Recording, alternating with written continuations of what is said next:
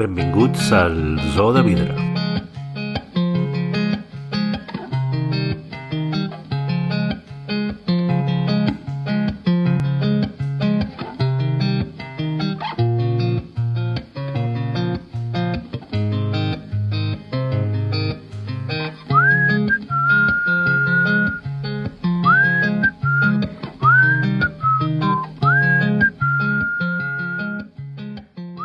Biel Duran és un intel·lectual de l'escena.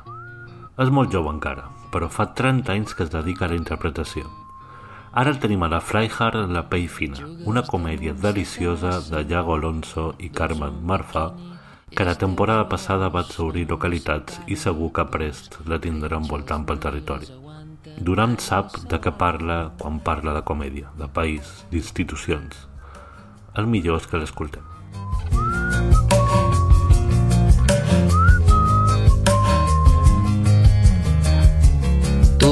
I lentes, globus terraquis amb eixos, nedes i vides. Hola Biel, benvingut al, al To de Vidre, al podcast de Teatre del Temps de les Arts. El primer que demano jo sempre és com estàs, com et trobes, com, com has passat les festes.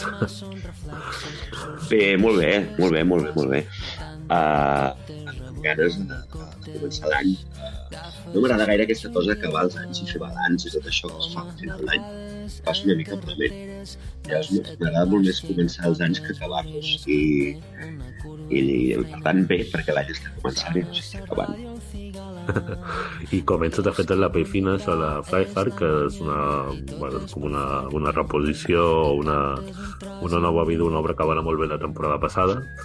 Uh, explica'm una mica, diguéssim, és, un, és una obra per mi que ens toca molt de prop, d'aquests dos autors són, són molt uh, generacionals, diguéssim, toca molt de prop, el dir parla de tu, de la teva generació, el, uh, i, i simplement m'agradaria saber com, com te sents amb aquest personatge que se'n va de Barcelona, uh, està content d'estar fora de Barcelona, tenir una casa amb una terrassa, uh, però tampoc deixa, no és una casa en jardí. uh, T'hi sents identificat? Tu ets de poble, no sé. Sí, sí. M'hi sento identificat amb moltes coses d'aquest personatge, eh, excepte el, el fonamental és que no tinc fills, perquè, perquè és veritat que l'Eloi marxa de Barcelona per criar un, una criatura, no? I li sembla una gran decisió sobre el paper, és fantàstic marxar al que ell en diu 20 minuts de Barcelona per sortir del fum, del soroll de la, de, de la ciutat. No? I sembla que els pobles són bonics per criar nens i sempre tenim aquesta mena d'idea mític al cap i jo ho he fet, m'he anat a viure al meu poble, que estic a mitja hora de Barcelona, que és el poble on vaig néixer, i tinc la sort que és un poble que està a prop de Barcelona. Però els autors, en aquest cas, tenen una petita obsessió amb aquesta gent que diuen que se'n van a viure a 20 minuts de Barcelona i després no els tornes a veure mai més. És a dir, els que viuen a Barcelona després ja no els tornen a veure mai més, perquè teòricament estàs a prop, però a la pràctica estàs a perdre per no? I, i bueno, una mica aquesta, aquesta obsessió que els feia molta gràcia a ells, d'aquesta mena de, de cosa, de mitjania rural, no? De, no, no, jo tinc les comoditats de la gran ciutat i la tranquil·litat d'un poble, però te'n vas a viure a Mataró, no? Que trigues una hora i mitja per agafar el tren i no és un poble petit, sinó que és una ciutat també. No? Exacte. I, bueno, és una mica aquesta... Aquest to que tenen ells del... Crec que toquen molt bé la tecla aquesta del quiero i no puedo, no? El, sí, sí, sí. Tot aquest món aspiracional, absurd que tenim de vegades les persones i que, i que bueno, som una miqueta ridículs i ells això ho destapen, ho desenmascaren molt bé. Vaja, és una, és una comèdia àcida, no? El dir, no sé, a mi em, em, em recorda moltes comèdies americanes uh, clàssiques, no? Fins i tot, on, on, on se'n riuen una mica del temps dels personatges, perquè, uh, diguéssim, els barcelonins, uh, els visitants barcelonins tampoc queden massa bé, diguéssim, no? Ha, aquí no hi ha bons ni dolents, ni decisions encertades, ni decisions fallides, no? És com... Uh, no, el que passa és que tots ens agafem una mena de taula de flotació, no? una mena de, de flotador que fem veure, que és el nostre, el nostre, el nostre refugi per anar tirant endavant, no? I, i prenguis la decisió que prenguis, tots intentem justificar les decisions que prenem i a vegades, vistos als ulls dels altres, no? doncs això ens pot, ens pot semblar més o menys ridícul. Uh, jo disfruto molt aquest tipus de personatges. La veritat que és un to que m'agrada especialment per, per els referents que, que tenen per el, i també per lo particular del que escriuen ells dos, no? Perquè ja mm, mm, han aconseguit fer una marca, un segell molt propi. Això que deies tu, aquest element generacional n'és un. Però després tenen aquesta capacitat que no sempre és fàcil de radiografiar bé els losers, no? Els, els losers que som, que som tots, eh? Vull dir que... Sí, sí. Però, però, però de, això no és fàcil i la, fer comèdia així és molt difícil i crec que de vegades és veritat que molt, ho fem molts actors i directors i actrius i directores i guionistes i dramaturgs i dramaturgues de reivindicar-ho, però crec que és necessari. Uh, encara ens passa malauradament, que eh, crec que som un dels llocs on la comèdia es fa millor del món. Uh, tenim una tradició còmica fantàstica i encara ens sembla un gènere menor. I es veu, eh, es veu en els premis, es veu en les crítiques, es veu en la consideració i acceptació social i sap greu perquè probablement és el que sabem fer millor en aquest país, la comèdia, no? I, i, i la comèdia de molts tipus, molts colors i molts matisos, no? A vegades sembla que quan una cosa simplement es dedica a fer riure, que mai la comèdia que ens agrada a nosaltres és la que només es dedica a fer riure, sembla que això sigui sota cavall o rei, no? que sigui una, una equació infal·lible, i no és veritat. És el més eh, arriscat, penso, perquè la caiguda a la piscina, si no hi ha aigua, quan es fa comèdia, pot ser catastròfica. Sí, sí, te pots matar, vaja. Sí. No, no, sí, de fet, el, el, el, per mi, almenys, o sigui, com, com veig des de fora, fer comèdia és el més complicat del món. No només pel que escriu, sinó perquè eh, tot depèn d'un tempo determinat en escena, a dir, un acudit dit mig segon més tard mm, deixa de ser un acudit, uh, i per un actor és un repte considerable. Jo crec que fins i tot fer plorar és més fàcil que fer riure. Uh, no sé, em fa l'efecte, eh? en el sentit que el, el riure, a més, és, un, és una cosa fins i tot local. Ha, de fet, jo sempre dic que hi ha poques comèdies clàssiques, no? Uh, comèdies que hagin durat més de 100 anys. És dir, normalment es duren per la seva generació, la següent, i s'ha acabat, perquè ha els... Eh, les, les, sí, que les del teatre, sí. Les del sí. teatre és veritat que costa trobar sí, sí. comèdies clàssiques, però hi ha els ingredients sí que són tots, en les comèdies sí, clàssiques, sí, sí. no? En el cinema sí que, per exemple, el, mi el Billy Wilder mm, és, crec que envellirà sempre molt bé i el podrem recuperar. Ja ho veurem d'aquí 50 ens... anys. El que ja ho veurem, ja ho veurem d'aquí 50 anys. Els nostres nets, saps? Sí, però jo el posaria allà, eh? El, el Billy Wilder o, o inclús el, el, tot l'univers Berlanga i Azcona que, que més penso que en el Iago i la Carmen també els agrada molt, no? Evidentment que evoluciona i ha d'evolucionar i el que ens fa gràcia ara no és el mateix que ara està molt de moda la comèdia aquesta transgressora perquè sí. que faltar molt a la gent és molt transgressor i hem, hem normalitzat que la comèdia moderna, l'audiovisual i a la ràdio ha de ser faltona amb la gent i, i, i sembla que si no transgredeixes aquests límits de l'irreverent i de la molèstia, de l'ofensa, no, no facis gràcia i, bueno, és, és veritat que hi ha aquesta cosa que la comèdia va buscant els límits sempre i que s'hi va acomodant i es va com adaptant, però potser més que amb els temes i amb l'escriptura, hi ha un tema molt de to, no? de com es, des d'on es serveix la comèdia i des d'on es viu, que això crec que potser és el que fa que envelleixin pitjor, no? Mm. El, les, les interpretacions, que al final són la pell una mica de les, de les coses, no? de les comèdies i els drames i les tragèdies i de tot plegat, acaben sent una mica la pell de tot i això potser és el que envelleix pitjor, no?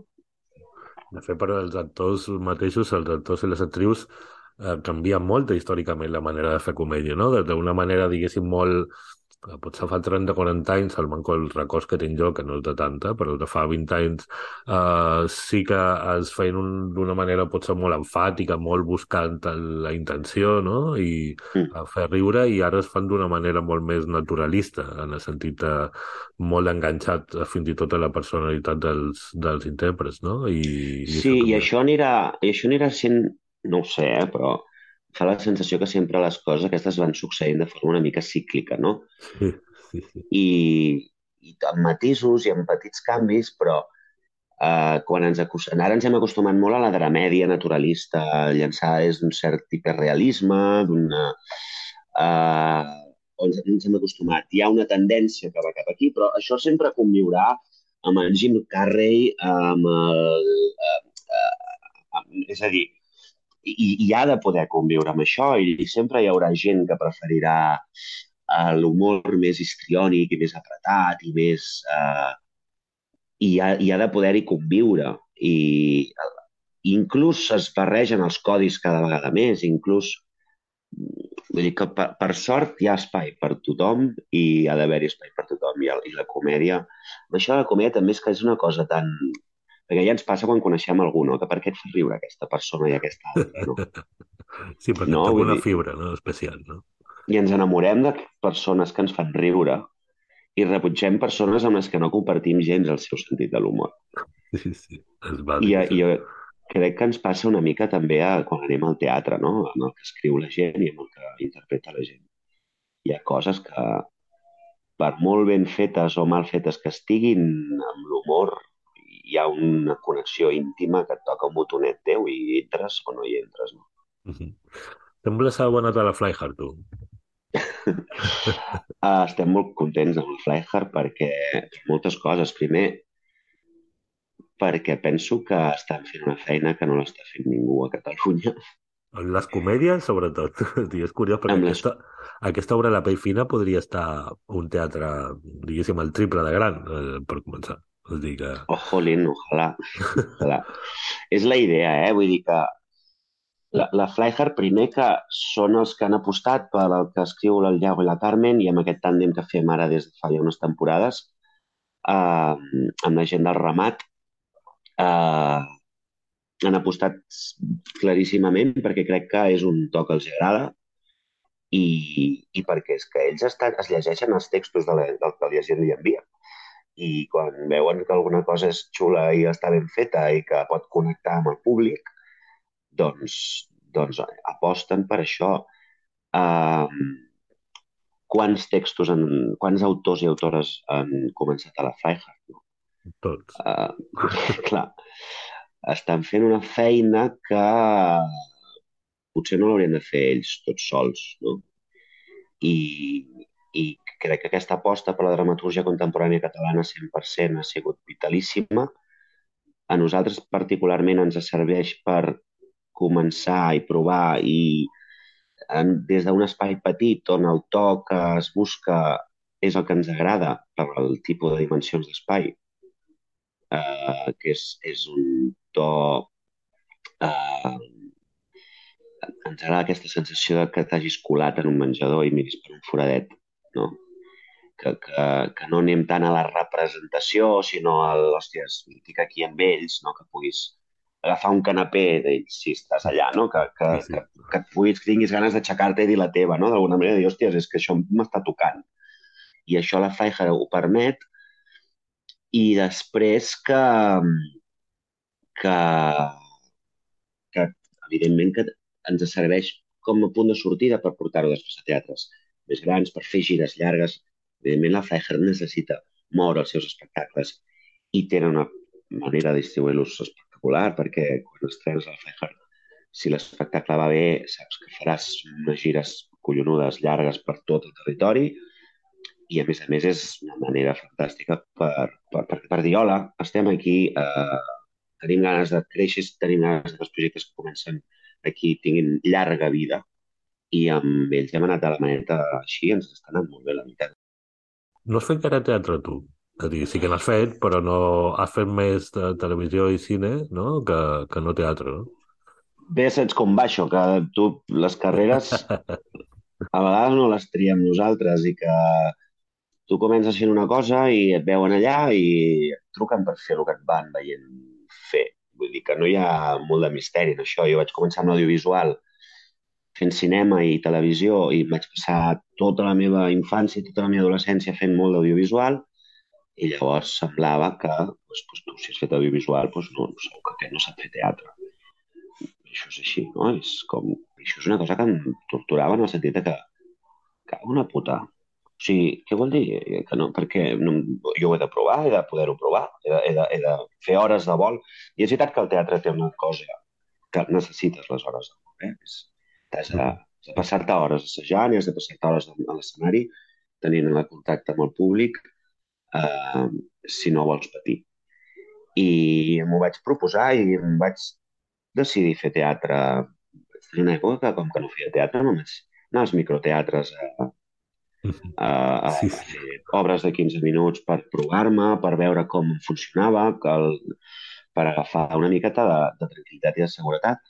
I ara estic fent més teatre que, mm -hmm. que audiovisual des de fa tres anys. Sí, des d'ovelles, no? Més o menys. Des d'ovelles, pràcticament. Llavors mm. vaig estar les quatre, tem quatre temporades de l'Escape Room, tres, tem Exacte. tres quatre temporades d'Escape Room, perquè vaig entrar a la segona, i ja fins que va acabar Escape Room, doncs, doncs moltes nits de Goya i de Condal i de Borràs, que això també és un, un aprenentatge tremendo. I, i ara doncs, amb la pell fina i sí que ara fa uns anys que n'estic fent més. I encara tinc la sensació, i espero tenir-la sempre, de que estic aprenent a fer teatre, perquè no és el lloc del que jo, del que jo venia des del principi. Però per això també agradant molt ser-hi i fer-lo, perquè bueno, per mi és com anar... És com que hi ha molt de camí per recórrer, estic aprenent moltes coses i tinc moltes ganes de, de seguir-les aprenent. Jo ho dic sincerament, eh? no t'ho dic des del tòpic, ho dic sincerament que em fa molta il·lusió anar cada nit a fer la funció i descobrir que les coses poden fer de maneres diferents bueno, i que el, aquesta cosa de la trobada de cada dia m'encanta. Ja. He descobert que m'agrada més el que em pensava i és fantàstic. Lo darrer que et volia, et volia demanar és um, tu ets un tio molt actiu, també has presentat programes de televisió i presentes el programa aquest de, de Castellers de, de la Corpo. Uh, és dir, t'has passat, has fet uh, moltes coses. Et fa por posar-te a dirigir i escriure tu mateix uh, més activament? No, por no. Uh, tinc moltes ganes i qui em coneix, i els companys i les companyes de feina ho saben, que és una cosa que fa temps que m'agradaria fer. Uh, probablement per dirigir m'hi veig, per dirigir teatre, per exemple, m'hi veig més ara mateix que escrivint. Escriure li tinc un respecte tremendo. Escric coses que no m'atreveixo a ensenyar, que les amago allà amb algun fitxer de l'ordinador, que... És que, hòstia, si sortir a l'escenari es genera...